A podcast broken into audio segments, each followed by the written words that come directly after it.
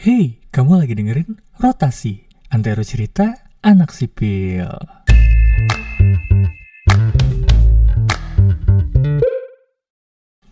Bersama aku Rehan Rabani yang hadir nemenin pendengar atau teman-teman nih yang mungkin lagi nugas, lagi mau tidur, lagi gabut, lagi nyapu ngepel mungkin. Whatever. Dan yep, kesempatan kali ini kita bakal bahas PK2 bareng Kak Hazi. Wih, gimana nih Kak Hazik? Kabarnya sehat? Alhamdulillah sehat. Wah, mantap, mantap, mantap, mantap. Sekarang Kak Hazik nih lagi di mana sih? Apa masih di Palembang, di Layo, atau sekarang udah lagi di mana nih? Sekarang masih di kota asal sih kak, di Bengkulu ya. Soalnya kan kuliah juga kan masih online. Nah, itu tuh. Nanti bakal kita jelasin kali ya tentang kuliah online sedikit-sedikit aja ya. Um, sekarang kan lagi bulan puasa ya. Bentar lagi Ramadan juga kan. Eh, lagi bentar lagi Ramadan. Bentar lagi Lebaran. Nah, puasa gimana nih? Udah bolong berapa nih kira-kira? Alhamdulillah lancar ya.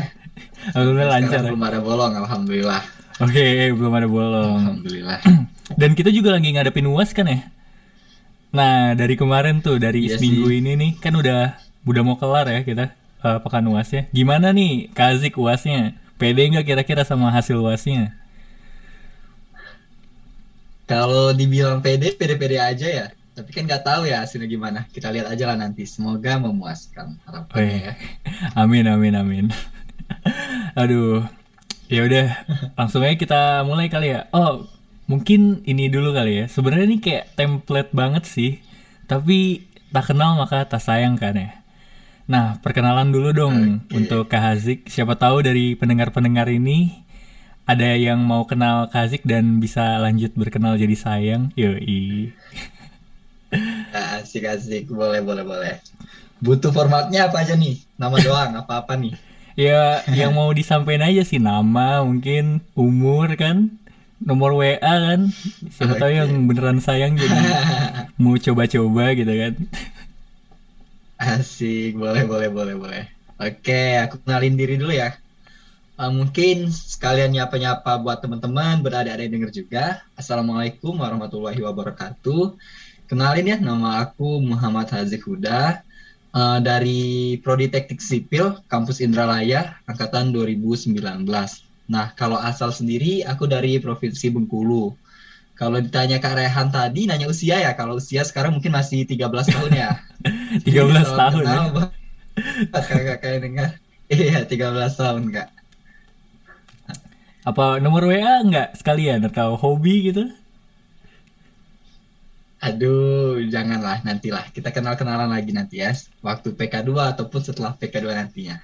Yoi, karena jurusan teknik sipil ini nih bener-bener ini banget ya, bener-bener membaur banget lah ya. Baik dari angkatan, Iya dari satu angkatan sama dari beda angkatan juga tetap membaur lah.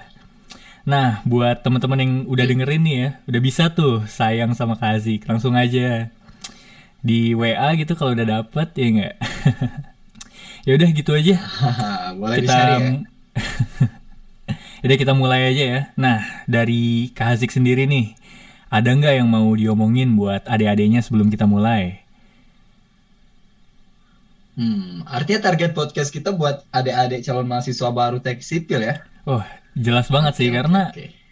episode pertama ini kita bakal bahas-bahas tentang PK2 dulu. Kan juga emang anak SNMPTN itu udah masuk gitu ya udah ngelaluin alur PK2 gitu. Cuman kan kita bakal banyak banget yang ngebahas. Apalagi anak SBMPTN juga belum masuk kan. Apalagi juga anak mandiri. Nah jadi sekalian aja nih kita jelasin di sini supaya bisa tuh temen-temen atau adik-adik atau ya teman-teman sangkatan kita atau kakak-kakak denger sambil nikmatin hari-harinya, ya kan? Nah, ada nggak nih yang mau diomongin Oke, dari boleh, Kak Hazik boleh. sendiri sebelum kita mulai? Hmm, hmm. Mungkin kata-kata selamat ya.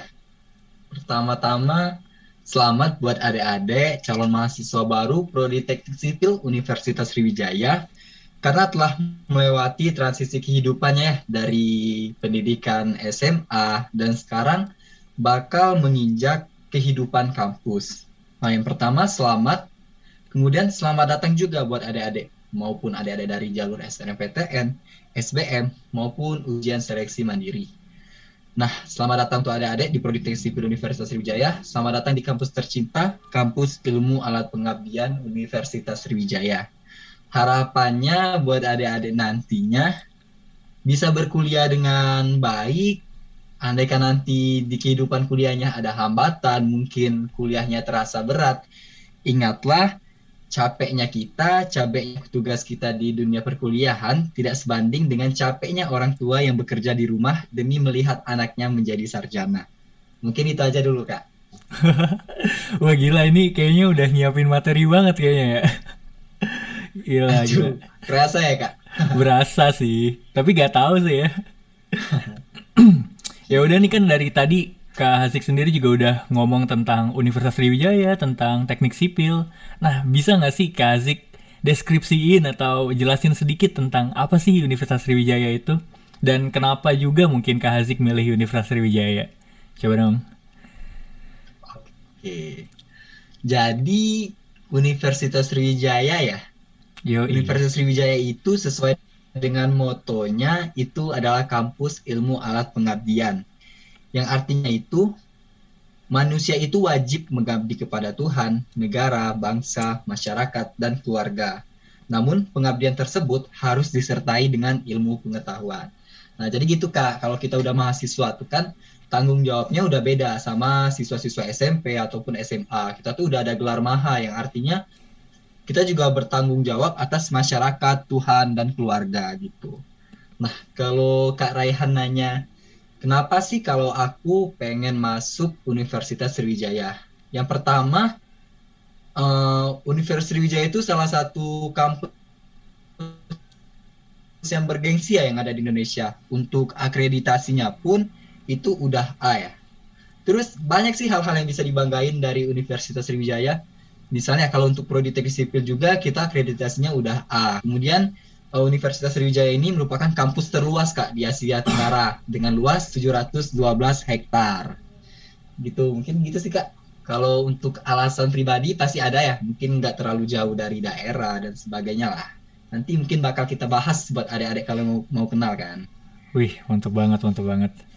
Ya udah kan tadi udah jelasin nih tentang Universitas Sriwijaya. Nah, kita kan ada di jurusan yang sama ya, di jurusan teknik sipil. Nah, jurusan teknik sipil itu kayak gimana oh, sih iya, kayak iya. sebenarnya? Coba bisa deskripsiin sedikit dong atau mungkin kenapa Kazik mau masuk teknik sipil juga boleh kali dijelasin, ya enggak? Oke.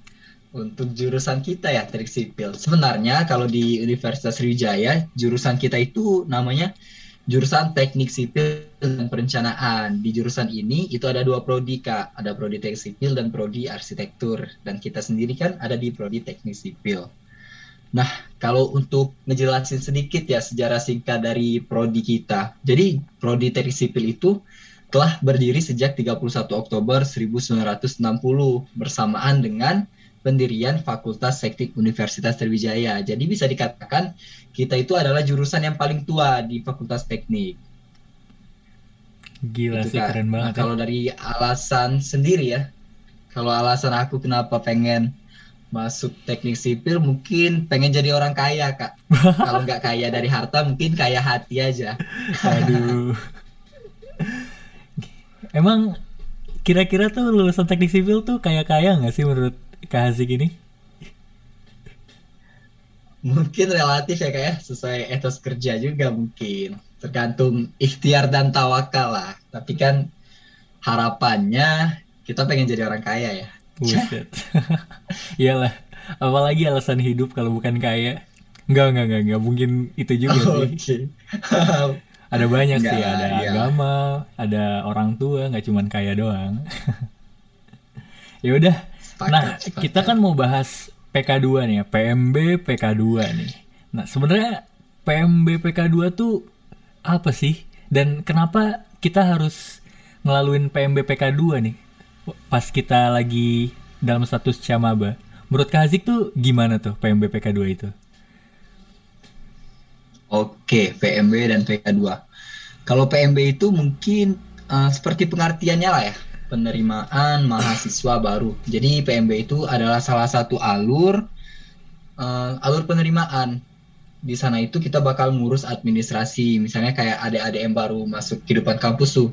Kemarin kan untuk yang SNMPTN, SBMPTN, ataupun USM, ujian seleksi mandiri, nah itu kan ada yang namanya penerimaan mahasiswa baru. Nah di situ tuh adik-adik harus mengisi administrasi, mengisi identitas, dan adalah alur-alurnya yang kemarin udah adik-adik lewati. Nah jadi alur-alur tersebut adalah alur-alur yang harus kalian lewati untuk menjadi calon mahasiswa baru teknik sipil Universitas Sriwijaya gitunya. Hmm, Kalau terus, untuk okay. PK2 ya? Iya, yeah, untuk PK2. Nah, kalau PK2 sendiri kan itu tuh adalah alur setelah PMB Universitas Sriwijaya. Tapi mungkin bisa kita jelasin dikit ya Kak, alurnya itu secara singkat gimana sih alur dari PMB dan PK2 sendiri? Harus sih. Nah, kalau dari alur PMB itu. sendiri kan, yeah. uh -uh, kalau dari alur PMB itu kan yang pertama, kayak kemarin itu mungkin ada-ada udah melewatinya ya. Itu kan ada kayak tahap melakukan registrasi. Nah, untuk tahun ini karena kita sedang terkena pandemi ya, jadi registrasinya itu secara online pada laman web rek.unsri.ac.id sih kalau nggak salah ya kak. Nah kemudian setelah melengkapi berkas-berkas tersebut, kan kemarin ada-ada diminta untuk mengirimkan dokumen ke Sekretariat Panitia SNMPTN Universitas Sriwijaya. SNMPTN, SBM, sama USM kan itu sama ya ada tahapan ini. Kemudian itu eh, langkah yang harus dilengkapi dalam PMB ini adalah pembayaran UKT. Nah, untuk pembayaran UKT sendiri itu tuh kita ada bank mitra ya untuk Universitas Sriwijaya sendiri. Itu ada Bank BNI, Mandiri, Sumsel Bubble, dan BRI. Kemudian ada yang namanya tuh registrasi ulang kak. Jadi registrasi ulang ini biasanya dilaksanakan sekaligus dengan pemeriksaan kesehatan di kampus Unsri Indralaya. Nah kalau untuk ini sendiri kan jadwalnya akan diatur nanti sama pihak kampus. Namun eh, apakah akan dilaksanakan atau tidak di kampus kita itu akan ada kabar lagi ya nanti. Soalnya kan kayaknya keadaan kita pandemi juga belum cukup mereda ya kak. Jadi harapannya semoga pandemi cukup cepat reda lah. Jadi kegiatan-kegiatan kita bisa terlaksana secara normal. Gitu. Jadi amin, gitu amin. alur untuk PMB kak. Oke oke oke. Nah terus kenapa sih? Uh, oh iya tadi kan PMB ya. Kalau misalkan PK2 nih, kira-kira gimana sih alurnya? Dan sebenarnya kenapa sih Camaba itu harus melalui PMB sama PK2? Coba dari Kazik bisa dijelasin nah, sedikit ya. Kalau PK2 itu ya kayak itu kan pengenalan kehidupan kampus. Jadi di PK2 itu kita bakal uh, dari kita dari kampus Universitas Sriwijaya itu bakal mengenalkan ke calon mahasiswa baru apa itu Universitas Sriwijaya, kemudian di fakultasnya juga akan ada PK2 fakultas, akan mengenalkan fakultas. Kalau kita sendiri fakultas teknik, di sana kita akan mengenalkan fakultas teknik ya dari tempat-tempat, lokasi, jurusan yang ada di sana dan sebagainya lah. Kemudian di hari ketiga itu ada juga PK2 Prodi Teknik Sipil atau jurusan Teknik Sipil. Dari sana kita akan mengenalkan Prodi Teknik Sipil itu sendiri kepada adik-adik sekalian. Nah, jadi esensinya itu sebenarnya ya mengenalkan calon mahasiswa baru kepada kampusnya. Nah, esensinya sendiri dari PK2 ini mungkin sekarang adik-adik masih mendengarkan podcast ini itu masih berstatus sebagai calon mahasiswa baru Universitas Sriwijaya.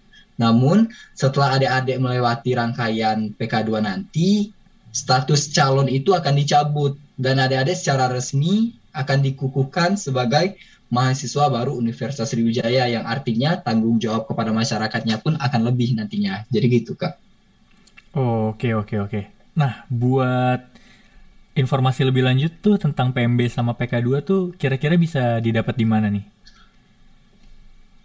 Nah, mungkin uh, untuk adik-adik yang dengar podcast kan pastinya udah follow IG PK PK2 kita ya.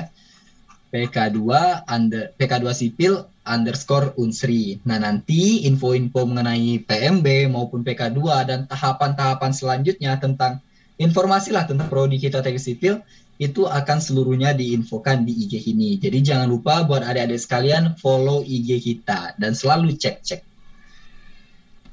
Oke, oke, oke. Nah, mungkin kita bahas lebih jauh kali ya tentang PMB sama PK2 nih. Nah, kira-kira nih ya, kan PMB PK2 PMB itu penerimaan mahasiswa baru yang mungkin bakal secara langsung diikutin gitu sama mahasiswa uh, sama Camaba. Cuman PK2 ini nih, kira-kira nih ya, sistemnya kayak gimana sih Kak Azik? Bisa dijelasin sedikit nggak tentang sistem PK2 ini? Nah, kalau untuk sistemnya sendiri ya Kak, kalau di tahun kita ya mungkin ya Kak Rahen ya, kalau hmm. di tahun kita kan itu PK2-nya secara offline ya. Mungkin Kak Rahen sendiri ngerasain ya gimana serunya, gimana atmosfer kita PK2, betapa serunya ya. Wah, mantap banget PK2 itu. tuh. Nah, tapi karena kita terkendala COVID-19 ini, untuk adik-adik tahun 2020 kemarin itu dilaksanakan secara online Kak PK2-nya. Nah, untuk angkatan 2021 sendiri itu belum ada keputusan, keputusan pasti masih simpang siur. Jadi PK2-nya itu bisa saja offline, bisa saja online. Nah, intinya maupun offline online ya PK2 kita nanti kita sebagai panitia, sebagai pelaksana PK2-nya bakal melaksanain acaranya itu dan ngebuat acaranya itu seasik mungkin Kak. Dan harapannya nanti bakal banyak ilmu-ilmu dan manfaat yang bisa dirasakan buat adik-adiknya nih selama di PK2. Intinya PK2 itu salah satu momen yang penting lah dalam kehidupan kampus. Seru lah intinya. Suatu momen yang penting gitu ya dalam kehidupan kampus. penting banget lah. Penting banget ya. Nah, uh, kalau misalkan kita sebenarnya udah boleh nggak sih kita ini obrolin tentang sist apa ya? Apa yang kita alamin pas PK2 itu?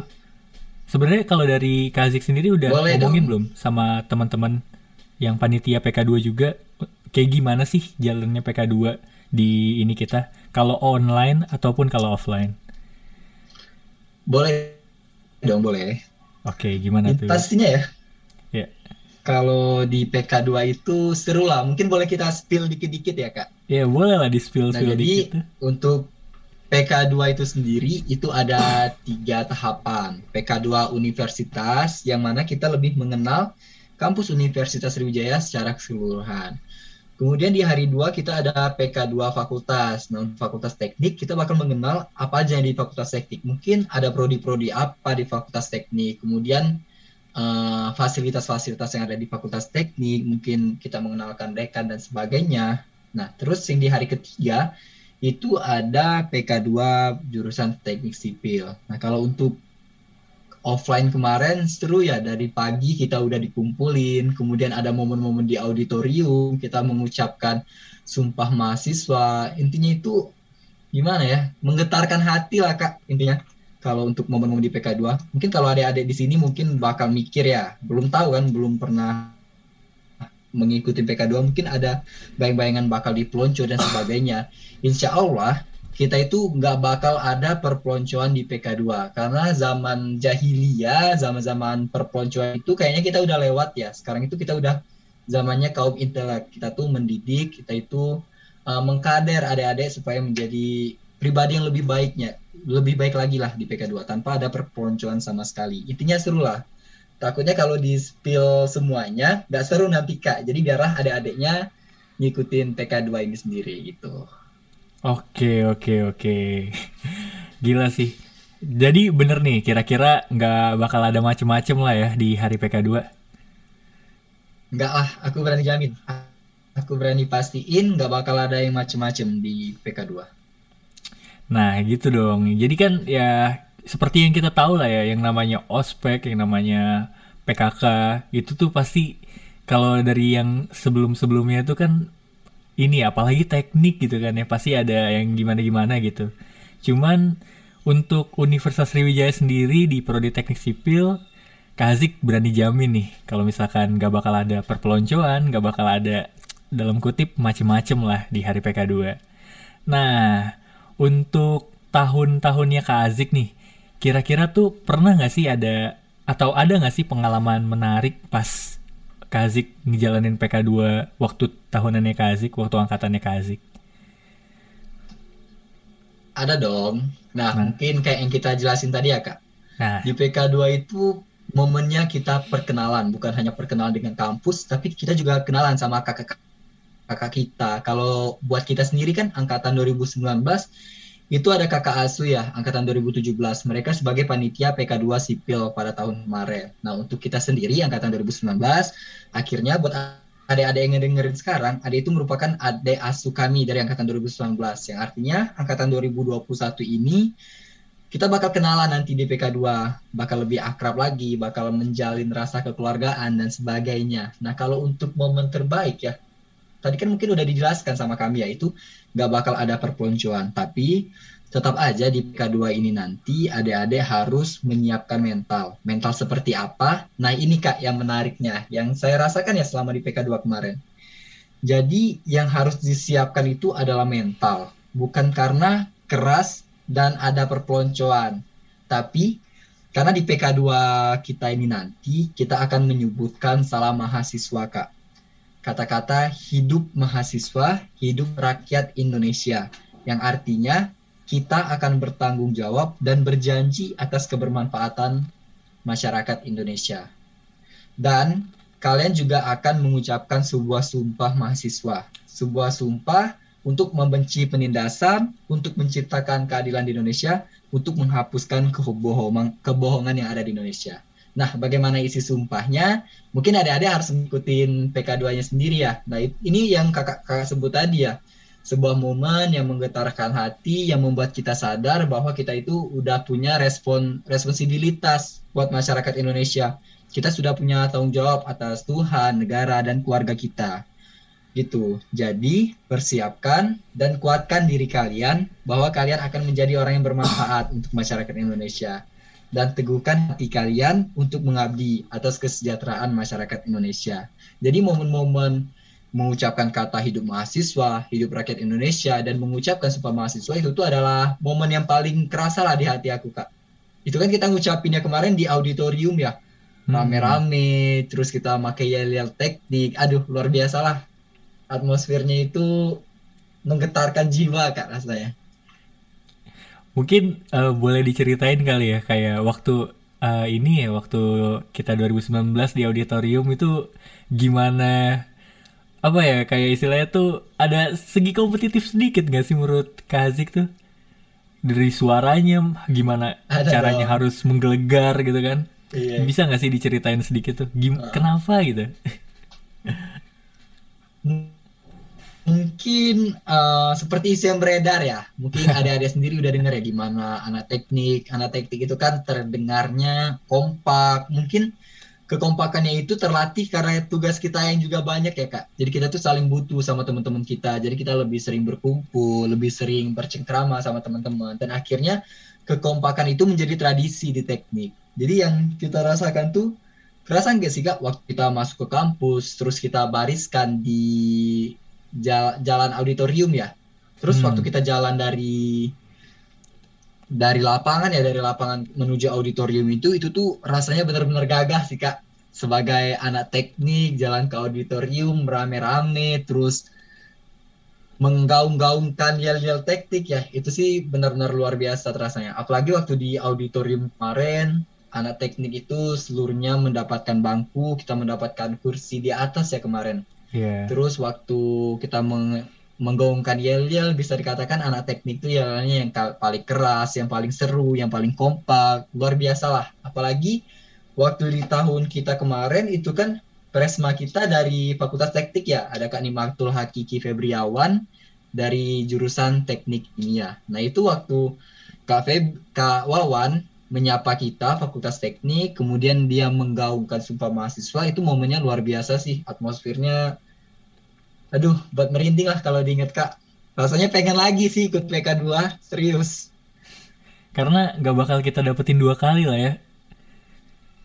Momen-momen seperti itu tuh. iya makanya kan. Hmm.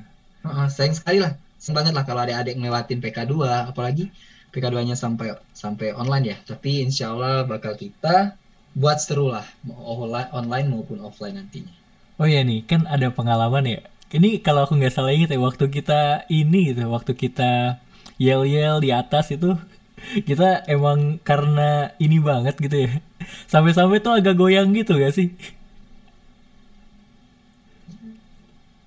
Ingat gak sih waktu itu? Iya. Ya, sambil lompat-lompat ya. ya Kayak obor ya mau auditorium.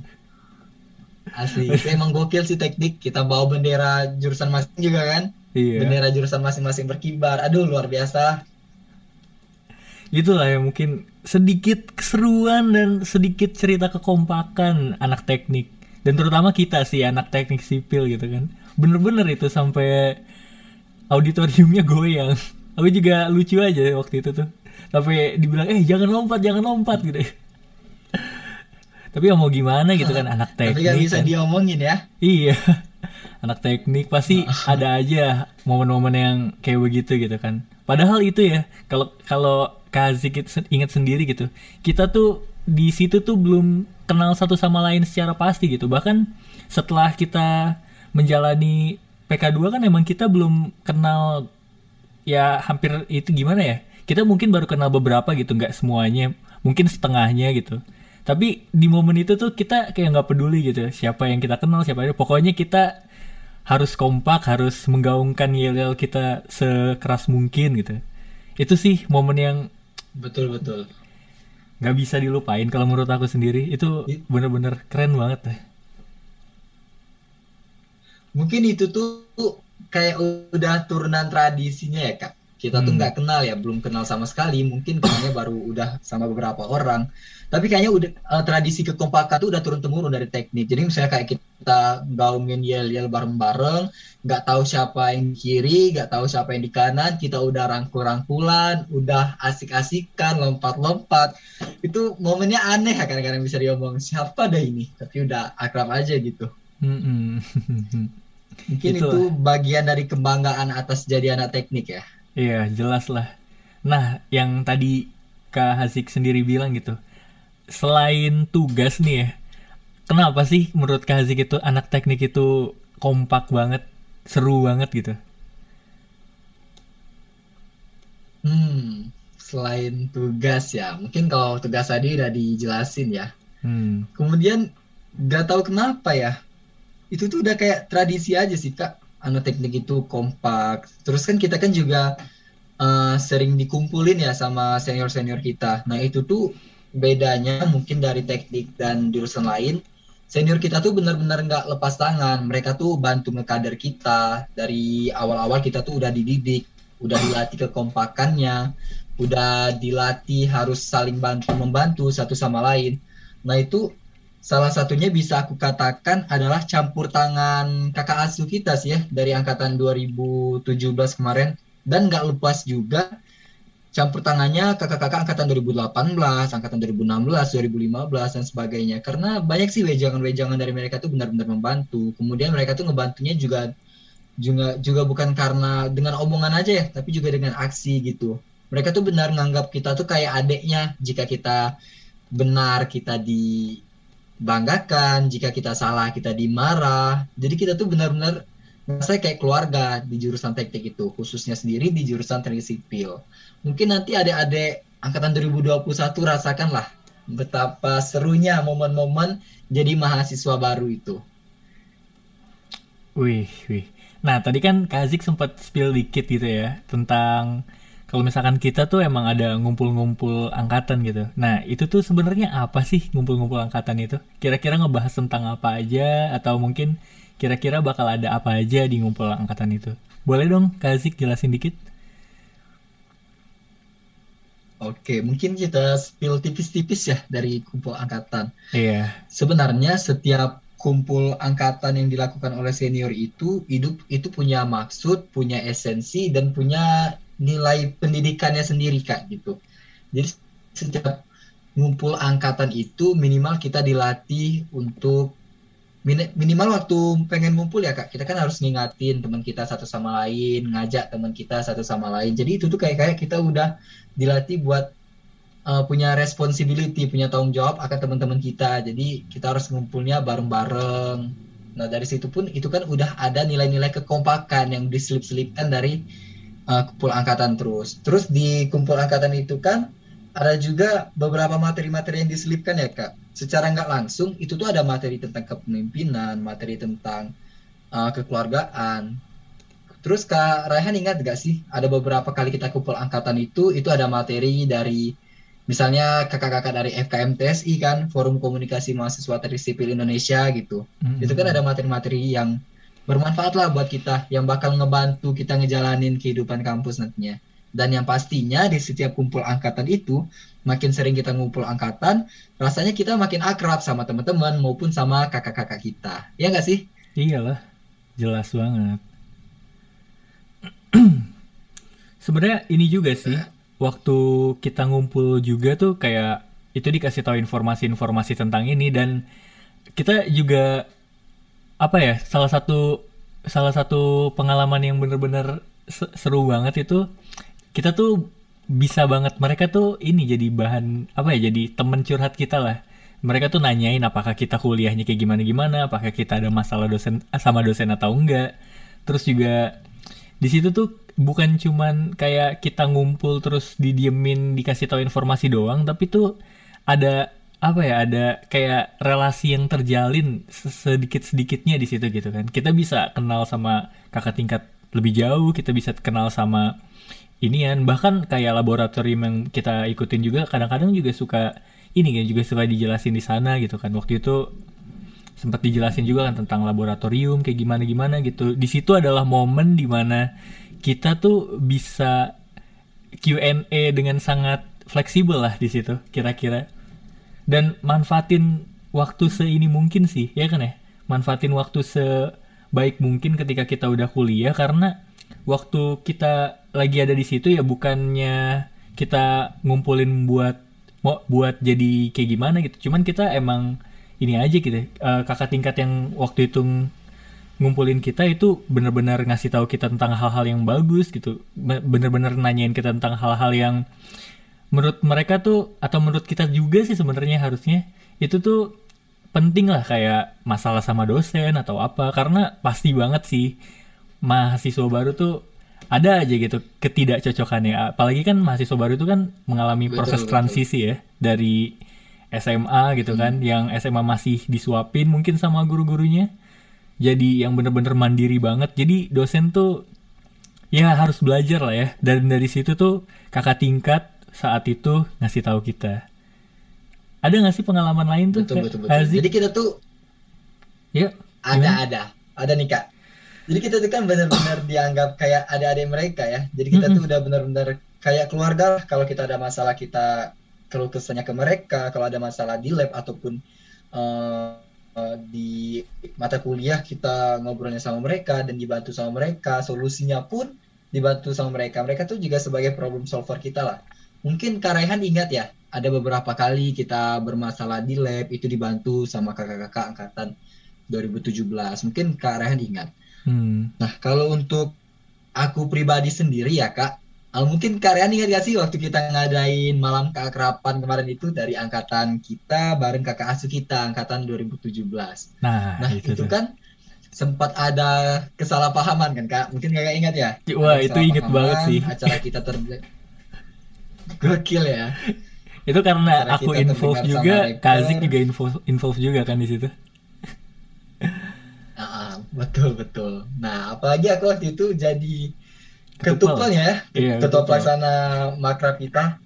Nah, jadi kita tuh udah berhari-hari udah ngekonsepin kita bakal ngadain makrab. Yang tujuannya makrab sendiri kita kan pengen lebih akrab ya antara angkatan kita maupun sama kakak asuh kita berhari-hari kita nyiapin aku inget kak. Aku nyari-nyari tempat di dalam kampus di luar kampus sampai akhirnya ada namanya asrama lahat di dalam kampus tuh. Udah dapet udah fix seluruh kepanitiaan udah dibentuk kita udah ada beli makanan dan sebagainya. Terus kita ngadain acaranya kalau nggak salah itu pengen mulainya sore jam 4 tiba-tiba dapat kabar dari rektor buat ngebubarin acara kita itu jam 12 Coba bayangin kak, acara yang udah kita bentuk dalam berhari-hari itu bakal dikacaukan dalam hitungan jam. Padahal beberapa jam lagi itu acara bakal mulai. Itu kan karena ada kesalahpahaman.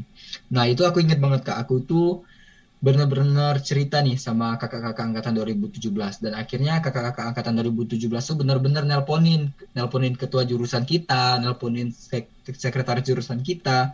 Mereka benar-benar masang badan buat kita ngejelasin acaranya itu kayak gini kayak gini kayak gini. Dan akhirnya kepala jurusan dan sekjur pun paham. Padahal ya kak ya bahkan itu tuh ada ancaman ketua pelaksana itu bakal dikeluarkan dari kampus. Dan artinya dari mahasiswa baru pun aku ada pengalaman bakal dikeluarkan dari kampus kak. Padahal nggak ada hal-hal buruk lah yang kita lakukan kemarin kan. Cuma kesalahpahaman. Tapi alhamdulillah dibantu sama kakak-kakak angkatan 2017 masalahnya pun tersel terselesaikan. Dan akhirnya pada hari itu pun kita putar badan ya. Aku ingat tuh aku datang ke kosannya mereka kakak-kakak kita uh, kita itu pengen minjam asrama ada namanya itu asrama gereja kalau nggak salah itu ada di Timbangan lokasinya. Nah untuk minjam tempat itu sendiri kita harus pakai surat dan kita harus resmi dari sebuah himpunan atau ikatan kayak gitu. Nah dalam waktu beberapa jam itu aku benar-benar ingat di kosan angkatan 2017 kami ngebuat sebuah himpunan. Nama himpunannya Himpunan Mahasiswa Rantau. Nah itu himpunan itu benar-benar dibuat ya. Sebenarnya itu ecek-ecek ya kayak nggak legal lah. Tapi kita buatnya karena benar-benar kepepet dan akhirnya kita buat untuk minjam asrama gereja itu. Dan akhirnya bisa acara kita terjalan. Itu tuh salah satu kita menunjukkan kekompakan anak teknik ya. Kita bisa memecahkan masalah dalam hitungan beberapa jam. Dan kegiatan pun tetap bisa berjalan seperti biasa dan luar biasa. Seru sih acara makrab kita kemarin itu. Dan benar-benar ingat apresiasi apresiasi dari kakak-kakak 2017 tuh. Mungkin Kak Raihan ingat juga ya. Mereka oh, datang buat ngehibur kita karena udah suntuk seharian. Mereka datang ke acara kita itu ada yang pakai daster pakai jas kemudian ada kayak cosplay cosplay ibu-ibu hamil. Ingat gak sih kak? Ingat banget itu Emang kan sih. Kayak ngerasa mereka ngehargai kita kan, pengen ngehibur kita gitu. Mungkin dari karyawan juga ada lah pasti. Gimana kalau menurut kakak waktu pengalaman waktu itu? Wah itu tuh pengalamannya sebenarnya lucu-lucu, kesel juga sih sebenarnya.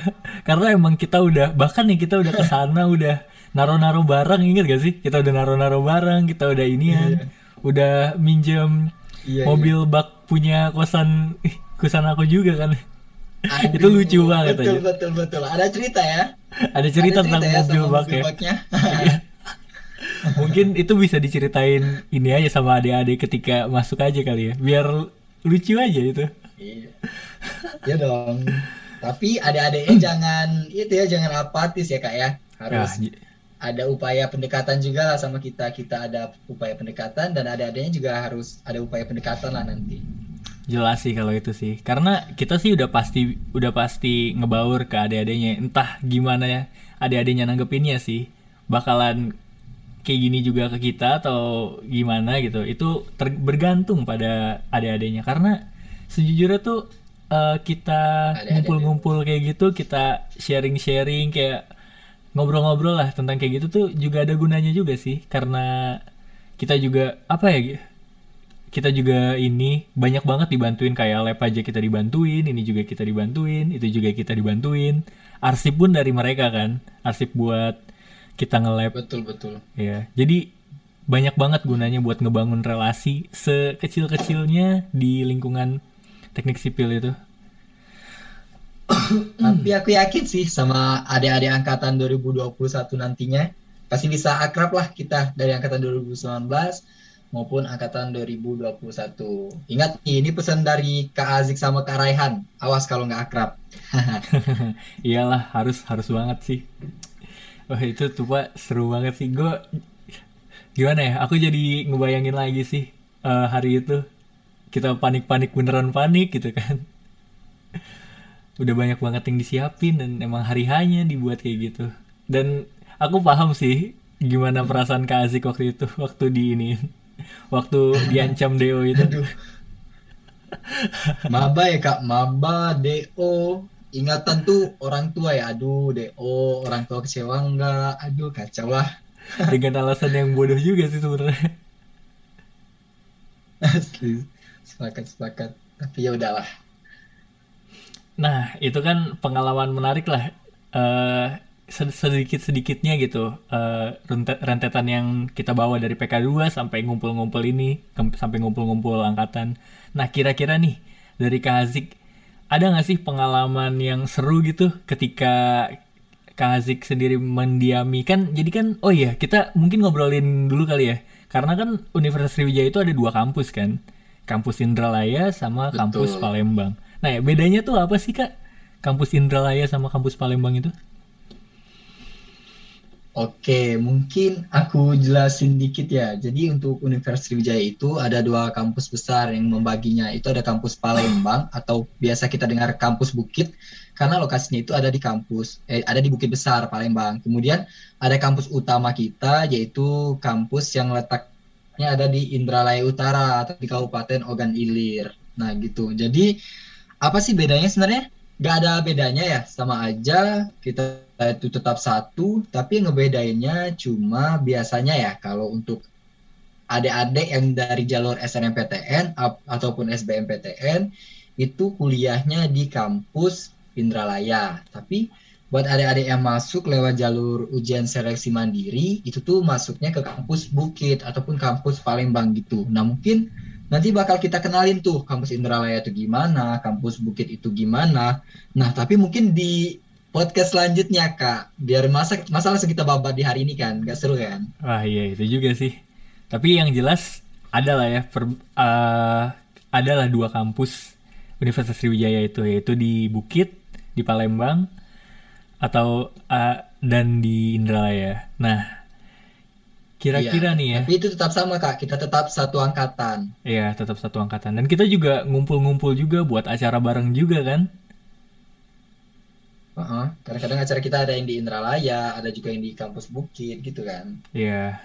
Nah kira-kira kan eh, Kak Azik sendiri berasal dari Indralaya nih ya. Kira-kira ada nggak sih pengalaman yang unik mungkin di Indralaya atau di Palembang gitu? Selama Kak Azik kuliah ah, ya sekecil-kecilnya ya di semester 1 sama 2 sih karena kan itu relate sama calon mahasiswa baru kita. Coba dong Kak Azik boleh diceritain. Oke, mungkin eh, kita jelasin kondisi Indralaya mungkin ya. Jadi eh, bisa dijelaskan ya buat adik-adik. Mungkin adik-adik udah dengar ya kayak Indralaya itu dusun, Indralaya itu kampung, Indralaya itu desa dan sebagainya. Nah, kalau menurut kakak itu tuh adalah cara berpikir yang salah gitu.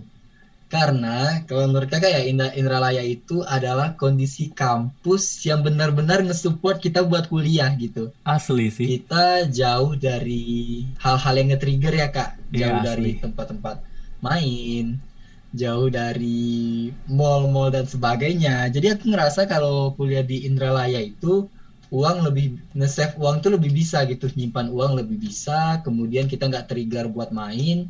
Jadi kita bisa lebih fokus belajar dan sebagainya. Jadi kalau pengalaman aku selama kuliah dari semester 1 dan semester 2 itu kita masih offline ya kak ya. Alhamdulillah belum terganggu sama pandemi COVID-19.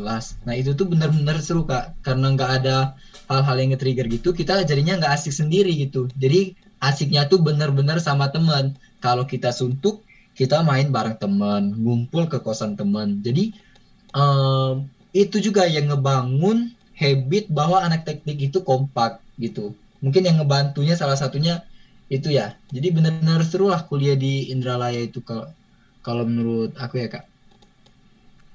Jelas banget sih, itu ngebantu banget sih karena ya aku sendiri nih ya kalau misalkan eh, mau coba kayak nonton kan eh inilah ya normal ya kita nonton film di bioskop kayak gitu. Itu tuh effortnya bener-bener lumayan sih karena kita harus dari Indralaya ke Palembang dulu baru bisa merasakan hal-hal yang seperti itu, hiburan-hiburan yang kayak gitu. Tapi nggak terlalu jauh lah ya kak ya. Wah lumayan sih 50 menurut aku. sampai 60 menit lah. Ya. Lumayan ya. lumayan sih emang kayak gitulah cuman ya teman-teman di Palembang juga sebenarnya sama aja kayak kita mereka juga sering ngumpul juga ada yang di apa tuh lupa namanya yang ini yang di samping Dunkin Donat itu Apa kak? itu yang orang lain kayak. yang waktu itu kita ngumpul sama ini sama anak Palembang ada kau juga Oh iya lupa lupa lupa. Aduh lupa. lupa namanya ya Wajar kak, udah setahun lebih ya, udah setahun lebih kita nggak ke sana. iya atau enggak di ini di eh kafenya dosen kita kafenya Mas Oh Bimo Mas kan Bimo ya. iya di Kopi Loka. Ah, itu iya, iya, iya. juga mereka sering banget ngumpul ya. Sebenarnya sama-sama aja sih. Emang habit sering ngumpul itu tuh emang kebentuk sih. Ah, emang ah. karena kita ya Habit nongkrong itu pasti ada kan. pasti ada. Karena kita emang itu sih emang tugas sama kan semua. Jadi kita nyari referensi bareng-bareng. Nggak sama sih. Ada yang ngebedain dari penambahan-penambahan angkanya. Ada yang ada yang ngebedain dari eh, data-datanya. Tapi emang kita Betul. ngerjain tugas mostly bareng ya? Kalau menurut aku tuh. Kayak eh, di kosan aku tuh sering banget. Kayak kan di kosan aku kebetulan di Rijasa itu ya mungkin kalau yang belum tahu itu tuh ada beberapa anak sipil di situ. Nah itu tuh kita bener-bener nggak cuman anak anak kosan itu aja yang ngerjain di situ. Jadi semua orang datang ke kosan kita ada yang ada yang nulis bareng lah ada yang ngeprint juga kan di sana. Ada aku sama Sultan yang punya printer. Bahkan nginep kan sampai kayak begitunya buat kerjain laporan doang. Karena laporan itu apa ya eksistensinya benar-benar penting dan lumayan memberatkan sih sebenarnya. Dan semester 2 itu ya.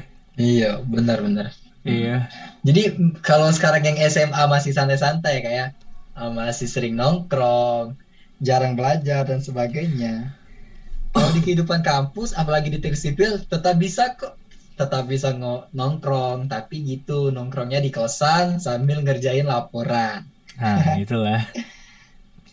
Udah kalau misalkan di Palembang mungkin ya bisa sambil ngerjain tugas sambil ngopi-ngopi cantik ya kan? Tapi kalau misalkan di Layo tuh biasanya kita di kosan sih. Bener-bener nge-save uang bener-bener kayak gimana. Bahkan ngeprint aja kita juga ya karena kita satu juga jadi ya nggak peduli aja gitu. Kita ngeprint di mana pun Betul betul. itu sih serunya. Bahkan aku sering loh ada bahkan kayak gimana ya kayak teman-teman ini kita kan kebetulan kan di Rijasa itu kan kosan campur ya. Itu juga ada ini kan ada teman kita yang perempuan di eh, kosan itu. Jadi Iya. beberapa gak cuman laki-laki aja di sana ada perempuan juga yang ngerjain bareng terus nginep di kosan teman kita yang perempuan itu jadi ya bener-bener seberbaur itulah anak-anak teknik sipil itu Universitas Sriwijaya Iyalah. Harapannya adik-adik angkatan 2021 nanti gitu juga ya, meskipun offline ataupun online tetap kompak, komunikasi tetap harus lancar. Gitu. Karena kuliah di teknik kita benar-benar butuh teman, benar-benar butuh satu sama lain, nggak bisa sendirian kan. Bener banget sih. Dan kalau misalkan eh, ini ya, kalau misalkan kita bedah sedikit ya, tugas-tugas teknik tuh banyak banget yang yang ya kalau misalkan tugas dari dosen tuh emang ada yang individual gitu, ada yang individu. Tapi banyak banget kalau misalkan kita rasain gitu tugas-tugas di teknik sipil itu rata-rata ya ada kelompok-kelompoknya, ada kelompok-kelompoknya. Sering banget kan ya kita presentasi tentang hal ini, kita presentasi tentang hal itu. Dan kalau misalkan Kak Hazik inget gitu ya waktu awal-awal itu, eh inget gak sih Kak eh, Pak Bay itu ngasih kita kelompok buat ini buat bikin apa ya Science Technopark kalau nggak salah. Science Technopark di depan jurusan. Itu tuh bener-bener asik banget sih ya. Oh iya iya.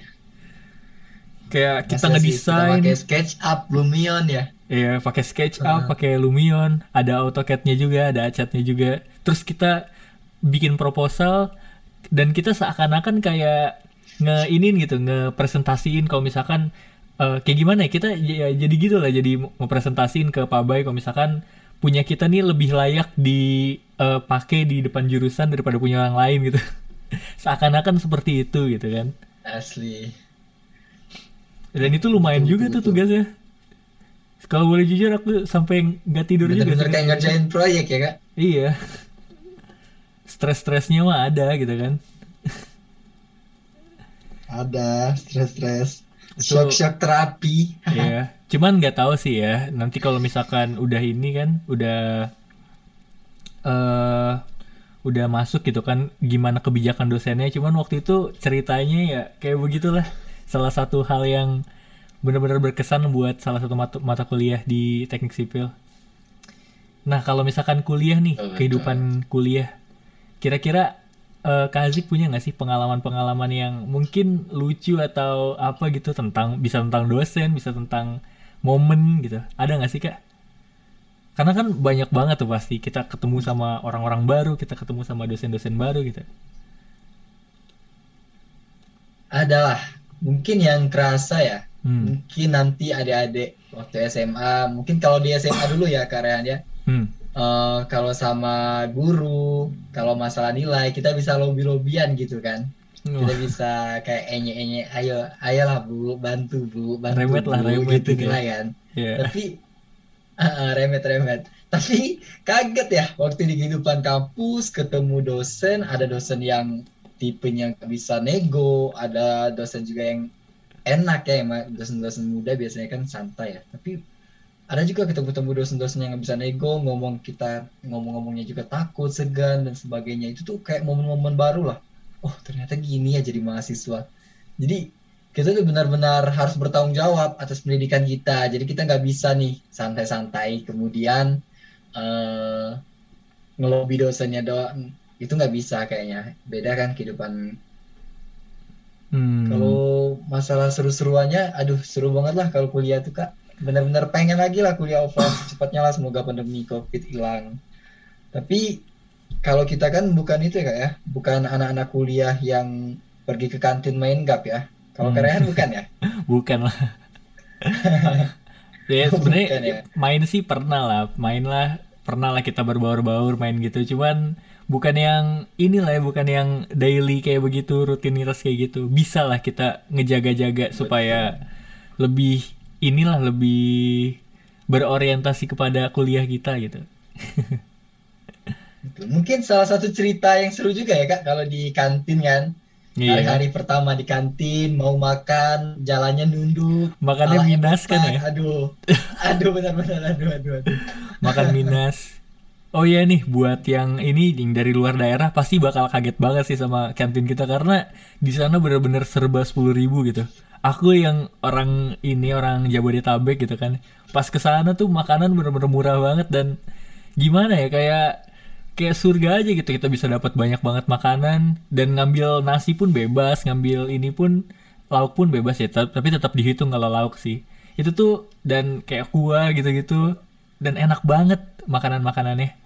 Itu bakal jadi surga banget sih. Gitu. Yang yang gimana ya? Aku nih ketika balik ke Depok ke daerah aku, itu tuh kayak pas makan aduh, di Laya tuh makanannya udah enak, murah di sini. Enak sih, tapi ya harganya menyesuaikan lah kayak gitu. Asli. betul betul betul. Mungkin kalau di Lion nasi ayam sepuluh ribu ya kak. Iya. Nasi ayam sepuluh ribu tuh udah dapat sayur, udah dapat kuah-kuahan, udah dapat mie dan sebagainya kan. Iya. Nah kalau untuk yang Kak Rehan singgung tadi Minas ya, Minas tuh paket komplit lah. Minas emak satu sama Marimas itu sepuluh ribu, Minas sembilan ribu, Marimas seribu, napas tuh sepuluh ribu. Benar-benar luar biasa ya. Itulah pa- paket Nanti buat komplit. adik-adik kita adain kita ada ini nih kak, life hacks di Indralaya ataupun di Palembang mungkin. Gimana sih cara kakak-kakaknya selama setahun kuliah di sana itu survive gitu kan? Itu ada salah satu tempat makan di Indralaya ya kak ya, namanya itu Warung Jatin. Itu sepuluh ribu kita dapat nasi sepuasnya, kemudian ada mie kak, ada mie bihun, ada mie yang tebal juga, itu juga sepuasnya. Kemudian kita dapat ayam, ikan atau sebagainya, terus dapat SD lagi kak, itu cuma sepuluh ribu, luar biasa, gimana bisa? Emang sih di sana murah-murah banget. Bahkan aku pernah ya, waktu itu tuh lagi ini lagi ada nganterin gitu. Tiba-tiba tuh aku lapar kan, terus ada kayak kosan gitu. Itu emang daerah-daerah yang agak kecil gitu sih, bukan di daerah Gang Buntu, bukan di daerah Gang Lampung. Emang ke arah-arah ke arah-arah inilah ke arah-arah hampir mendekati inilah. Tahu nggak sih eh, Indomaret yang di depan ini, di depan apa tuh namanya? Eh halte eh bukan halte ya, apa tuh namanya? Itulah terminal terminal. Iya, terminal. Nah, di daerah tahu, situ tuh ada gang-gang gitu. Terus aku masuk kan. Nah, di situ ada yang jual ada kosan yang jual makanan bebas. Itu harganya 7000 gitu. Makanannya. Itu udah sama ayam, udah sama Luar biasa. ini, udah sama bisa ayam bisa ikan, udah sama inian, udah sama apa tuh namanya kayak mie gitu udah sama kuah terserah gitu kan minumannya tinggal beli kayak kalau di sana emang nggak jual kayak marimas gitu gitu sih cuman ada ale-ale atau minuman-minuman kayak gitulah. Itu udah puas banget sih kalau misalkan adik-adik gitu atau teman-teman itu bener-bener udah kehabisan uang banget gitu. Emang ada sih pasti Intinya bakal kalau masalah makanan gak usah takut lah ya. iya nggak usah takut banget. Pokoknya hidup kalau misalkan hidup di Indralaya nih kalau misalkan adik-adik dari SBMPTN atau dari SNMPTN atau mungkin adik-adik ngambil mandiri dan ingin kampusnya itu ada di Indralaya itu nggak usah takut lah soal makanan soal macem-macem gitu karena ya emang bisa jadi semurah itu heran sih Betul betul betul. oh iya aku ada pengalaman yang ini aja sih bisa hidup. Iya.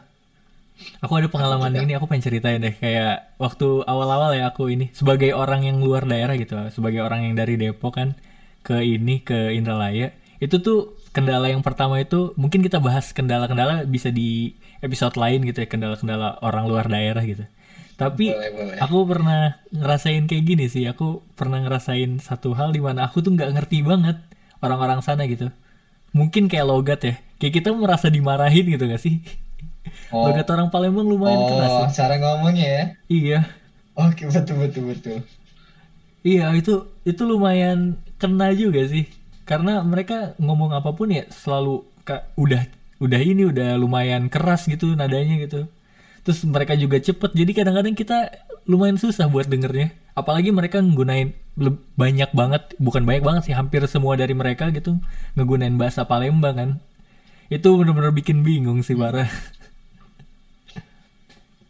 Ada satu momen nih. Itu salah satu tips ya buat adik-adiknya nanti belajar juga lah bahasa-bahasa Palembang. Mungkin kalau kata-kata bijaknya itu di mana bumi dipijak, di situ langit dijunjung gitu ya kak. Ya harus sih harus banget karena banyak banget keuntungannya Kar- kadang-kadang ya kita kalau misalkan ada-ada gitu ya naik bentor kalau belum tahu bentor tuh becak motor gitu Betul. itu tuh bisa jadi murah kalau misalkan kita bisa inin bahasa Palembang gitu terus kalau misalkan beli misalkan Betul, adik-adik mau masak ya mau masak kan mau beli di pasar itu kalau bisa bahasa Palembang bisa bisa dinego-nego harganya. Jadi enak lah ya.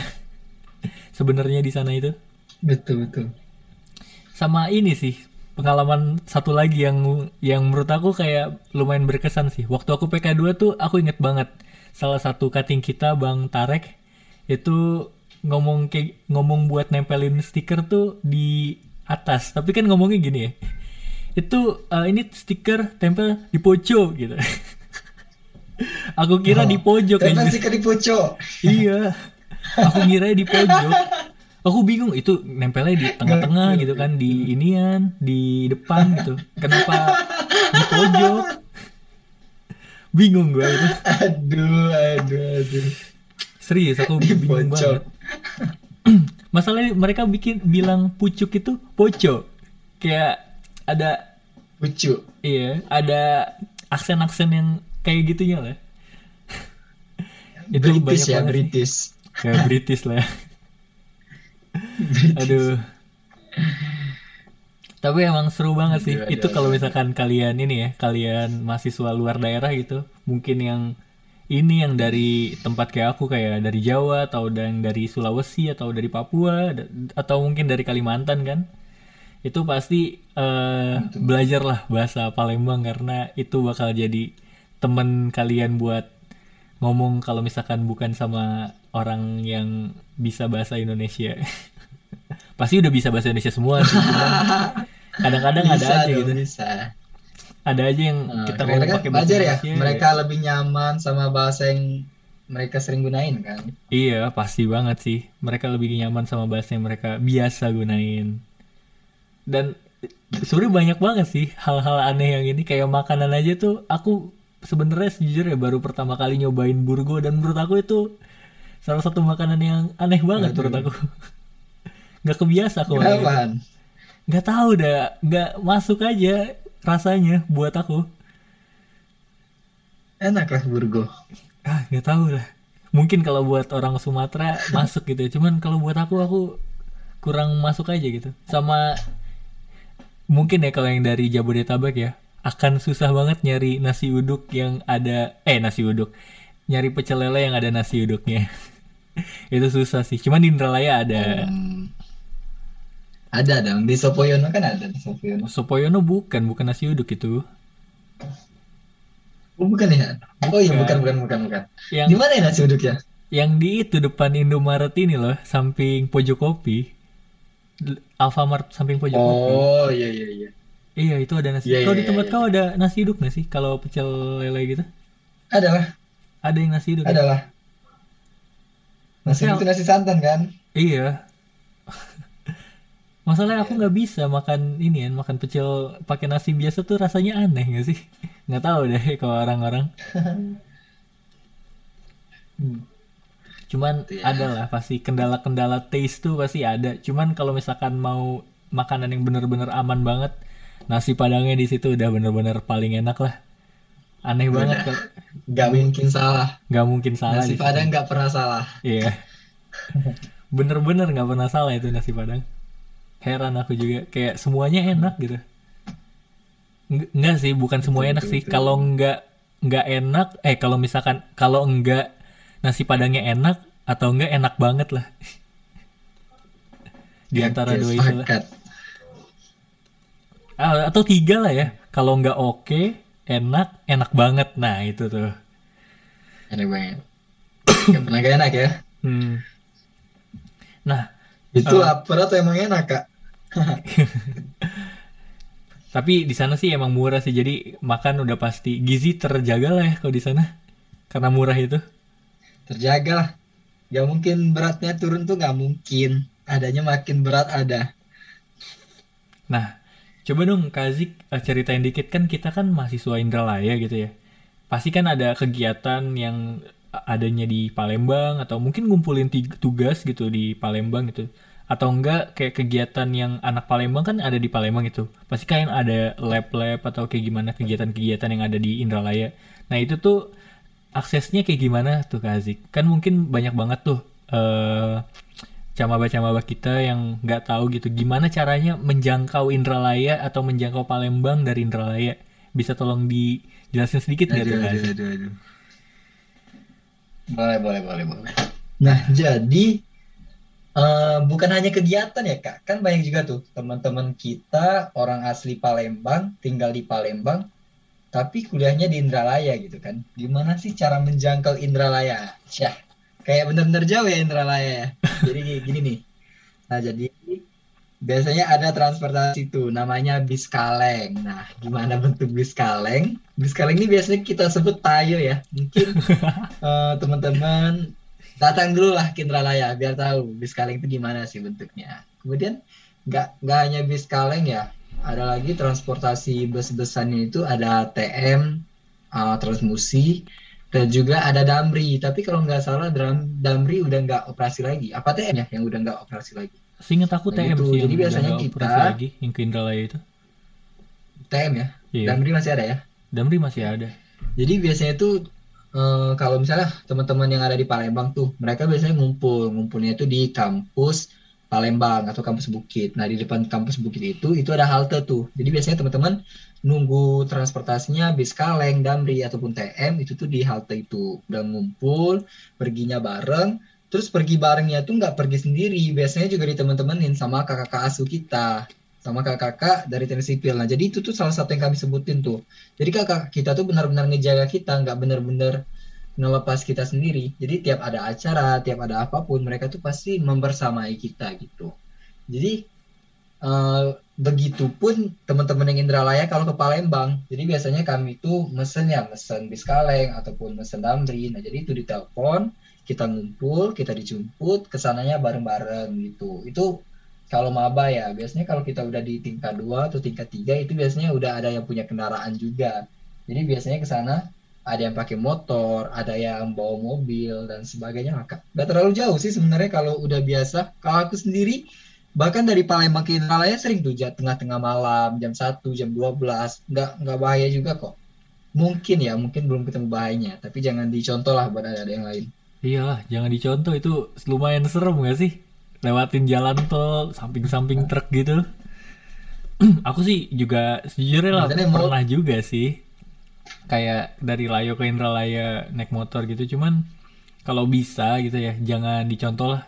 Apalagi buat teman-teman yang cewek nih kan ya. Karena gimana ya, ada sih satu pengalaman. Mungkin yang tadi kasih kelupaan itu ada satu akses lagi. yang namanya travel. Tuh kak? Betul. Nah, travel itu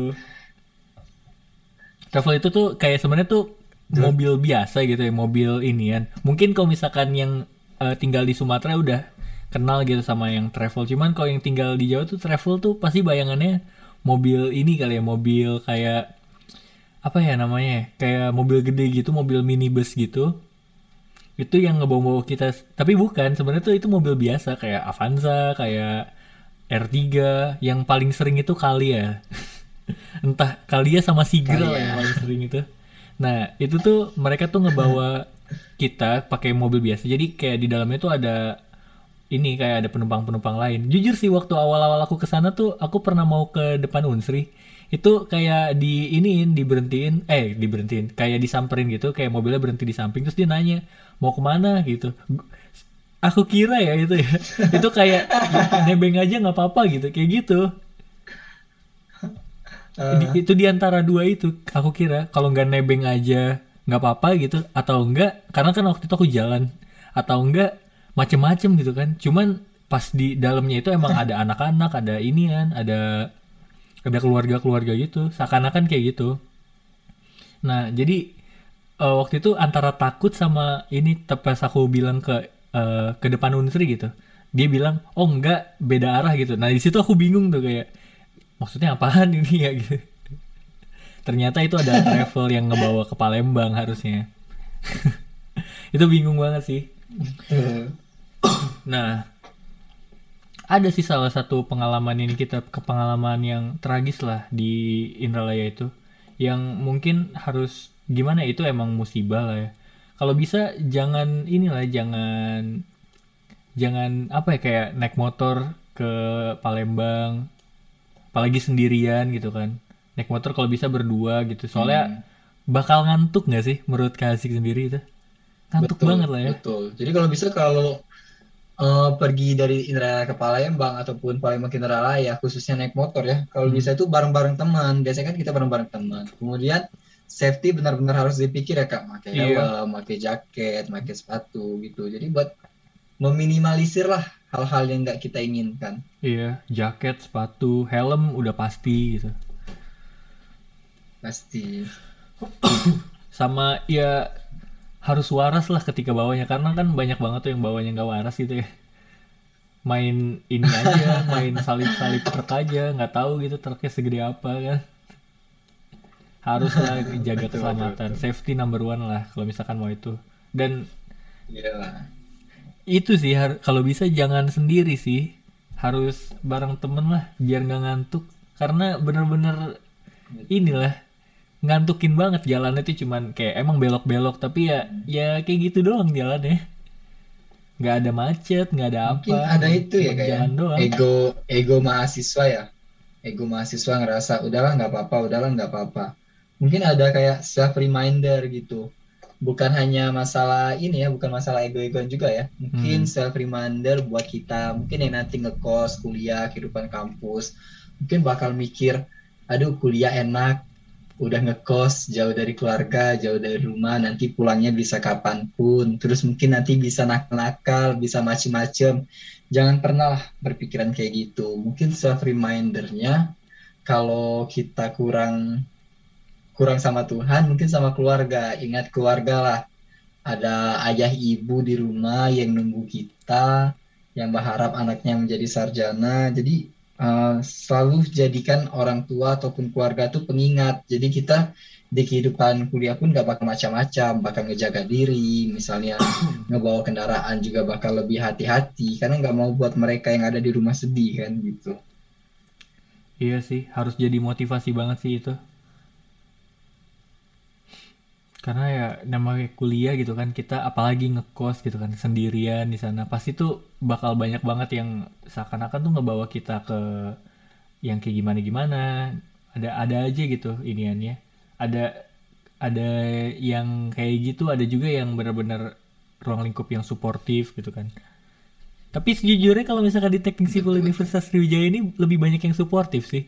Karena ya emang kita tugasnya tuh mantap. Berasa lah tugasnya. Iya, suportif dong.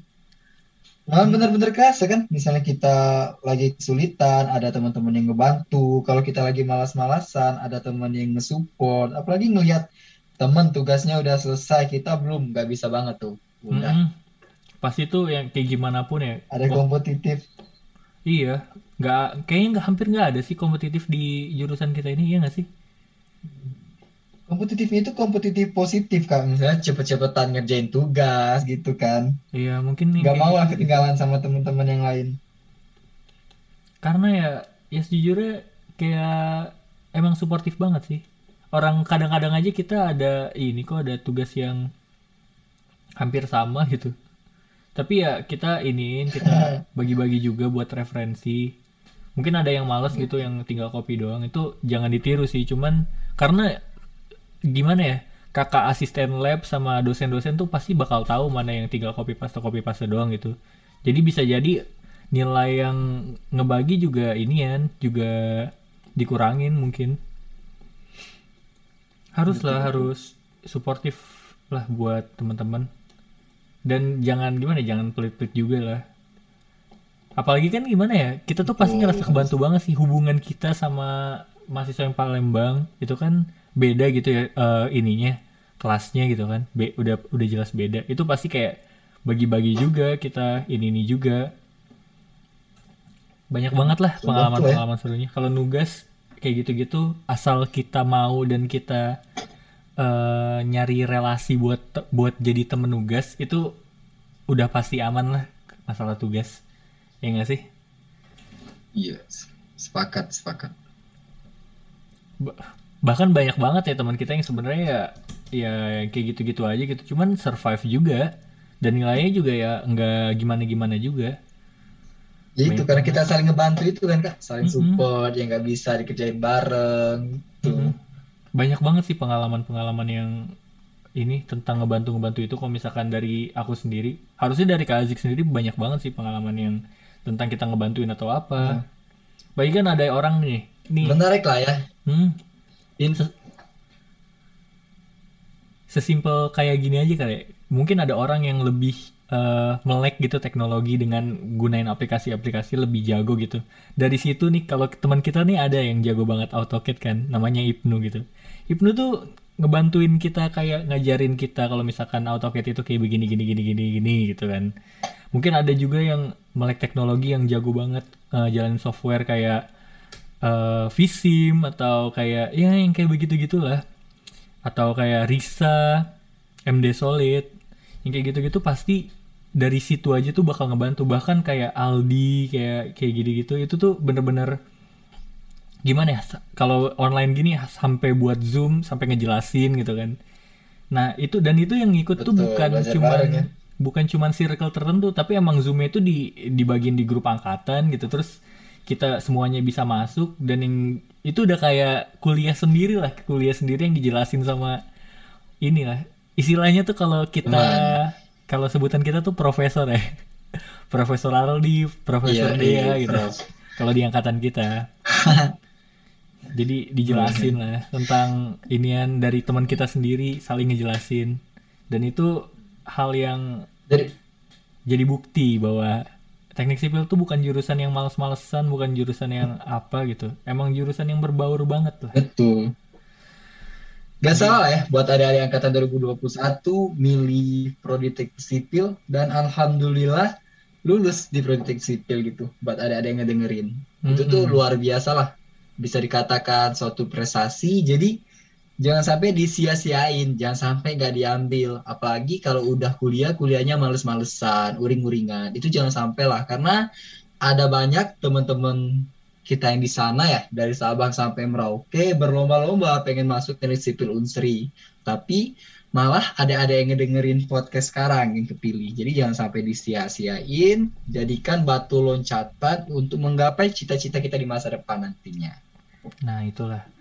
Nah oke nih kayak kita juga udah lama juga sih yang ngomong ya udah satu jam juga nih nah kira-kira nih ada nggak sih pesen-pesen nih buat eh, adik-adik dari Kak Hazik sebelum kita Hmm. udahin gitu podcastnya wah sayang banget ya udah bentar lagi udahan gitu udah sejam juga kan Ih, uh, udah sembilan ya? Udah nggak kerasa ya kak? Nggak kerasa banget sih. Oke, pesan-pesan buat adik-adik ya. Mungkin pesan-pesan buat adik-adik nantinya ya kayak itu tadi. Selamat datang di teknik sipil. Jangan sampai sia-siakan kesempatan untuk berkuliah. Banyak teman-teman kita di luar sana kurang beruntung, tidak memiliki harapan ataupun kesempatan untuk berkuliah seperti kita. Jadi benar-benar dimanfaatkan ya momen-momen kuliah ini sebaik mungkin jadi sia-siakan kuliahnya jangan main-main kuliahnya harus serius. Untuk yang sudah masuk di prodi teknik sipil selamat datang. Kakak tunggu nanti di teknik sipil kita saling berkenalan saling bercengkrama saling membentuk ikatan lah antar kita gitu. Kemudian mungkin yang terakhir kakak pengen ngingatin ya sebagai mahasiswa sudah sepatutnya adik-adik bertanggung jawab atas masyarakat, udah bertanggung jawab atas kedaulatan negara kita juga gitu. Memang bahasanya agak jauh ya, tapi itu tuh harus benar-benar diingatkan buat adik-adik sekalian. Mungkin sebagai self remindernya, kakak kasih mekanismenya gini. Mungkin kalian harus paham ya, biaya kuliah kita sekarang itu namanya ada biaya kuliah tunggal gitu. Jadi biaya atau UKT yang kita bayar sekarang itu tidak sepenuhnya uang kita gitu. Itu uh, ada subsidi dari pemerintah dan subsidi dari pemerintah itu adalah uangnya dari rakyat gitu. Jadi misalnya suatu saat ada ada yang melakukan sebuah kebaikan, memberikan uh, suatu kebermanfaatan untuk rakyat, itu adalah adalah suatu kewajiban dari adik-adik, bukan suatu bentuk kontribusi, tapi suatu bentuk kewajiban. Bisa dikatakan adik-adik harus membalas budi. Kita berkuliah itu dibantu sama uang, rakyat. Yang mana kita belum tahu apakah rakyat-rakyat di luar sana seluruhnya udah berkuliah atau tidak. Nah, buat adik-adik yang punya kesempatan ini jangan sampai disia-siakan. Jangan pernah mengkhianati rakyat, jangan pernah mengkhianati masyarakat. Jadi benar-benar tebar kebermanfaatan benar-benar visi tanamkan di hati kita bahwa jika berkuliah nanti kita harus membalas budi ini kepada rakyat, kita akan berkontribusi dan harus bertanggung jawab atas kesejahteraan masyarakat Indonesia gitu.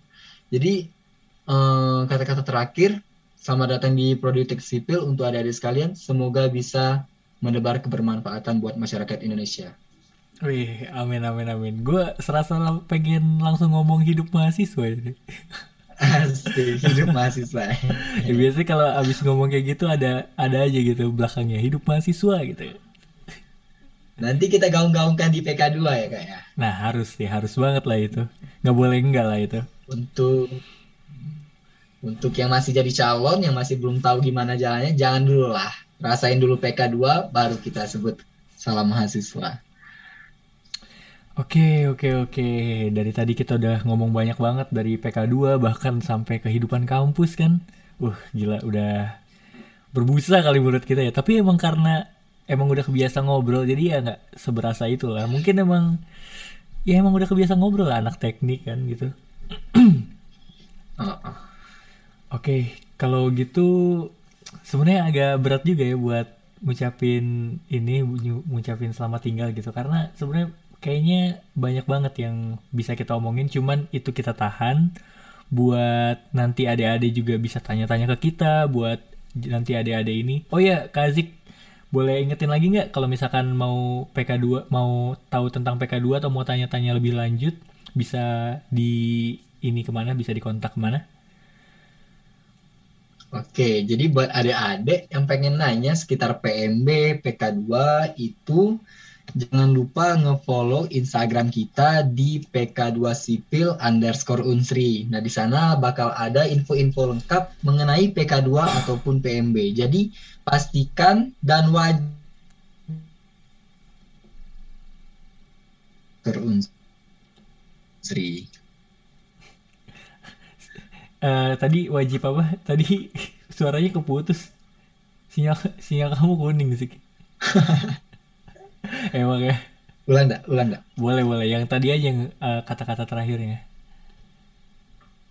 Oke, jadi buat adik-adik sekalian, kalau pengen tahu info tentang PMB dan PK2 Sipil Unsri, jangan lupa nge-follow Instagram kita ada di @pk2 sipil underscore unsri. Nah, buat adik-adik calon mahasiswa baru, udah pasti wajib kakak tekankan harus deh nge-follow PK2 sipil unsri. Jangan sampai ketinggalan informasi gitu. Nah, oke, okay. bisa langsung aja di follow dan di inilah diikutin terus perkembangannya buat PK2 Sipil Unsri karena ya itu apa ya media interaksi kita lah selama pandemi ini kan selama online ini. Dan itu media, media interaksi kita juga. Kalau misalkan ada yang mau ditanya bisa langsung aja di DM pasti banget bakal ada yang jawab dari DM itu. Kan admin-adminnya juga banyak yang megang gitu. Jadi bisa langsung aja di cek di Instagram, di follow. Kalau misalkan ada yang mau ditanyain di DM, kalau misalkan nggak ada ya di follow aja ikutin terus perkembangannya. Oke. Okay. Nah, betul betul. Karena udah satu jam juga berat banget sih rasanya kalau misalkan ngucapin selamat tinggal. Tapi ya aku juga punya yes. aktivitas gitu. Kak Hazik juga pasti punya aktivitas gitu. Dan yang lainnya mungkin yang lagi dengerin udah ngantuk atau udah ini udah selesai ngerjain aktivitasnya, udah satu jam juga kan itu waktu yang lumayan lama. Udah selesai juga mungkin tugasnya. Aku mau ngucapin thank you banget buat teman-teman yang udah dengerin. Karena uh, ini podcast pertama juga jadi maafin aku maafin juga Kazik kalau misalkan kita ngobrolnya agak-agak kaku karena ya masih ini podcast kaku, ya, pertama. Ya, iya sih masih banyak yang iya. template iya. gak sih ya Betul, mungkin kurang asik ya kak. Mungkin nanti di podcast-podcast selanjutnya obrolannya makin santai, makin relax. Iya, aku juga ya. masih suka keceplosan-keceplosan sesuatu sih Tapi nggak apa-apa lah ya. Namanya juga belajar gitu kan. Nah, kalau misalkan belum tahu, kalau misalkan ada yang belum tahu bisa share aja podcast ini. Ini bakal tersedia di Spotify, di Apple Music, ataupun di Google Podcast atau podcast media-media podcast yang kalian sukai lah bisa ada tersedia di sana. Nah bisa langsung aja kasih ke teman-teman kalian podcast itu kayak gimana linknya podcastnya ini, itu ini ya. kita post di IG IGTV kita nggak kak? Ini kita post di IGTV kita. Jadi nanti bakal ada seksi publikasi dari ini dari Medinfo Medinfo IMS yang bakal nge-share di publikasi gitu. Jadi ya santai aja tungguin aja hasilnya. Semoga kita sehat-sehat terus karena kan sekarang lagi pandemi ya. Jangan sampai nggak sehat lah jangan dikurang-kurangin keluar-keluarnya kan. Walaupun udah banyak gitu yang udah ada vaksin udah banyak yang keluar-keluar juga yang mudik cobalah ditahan-tahan dikit dulu lah.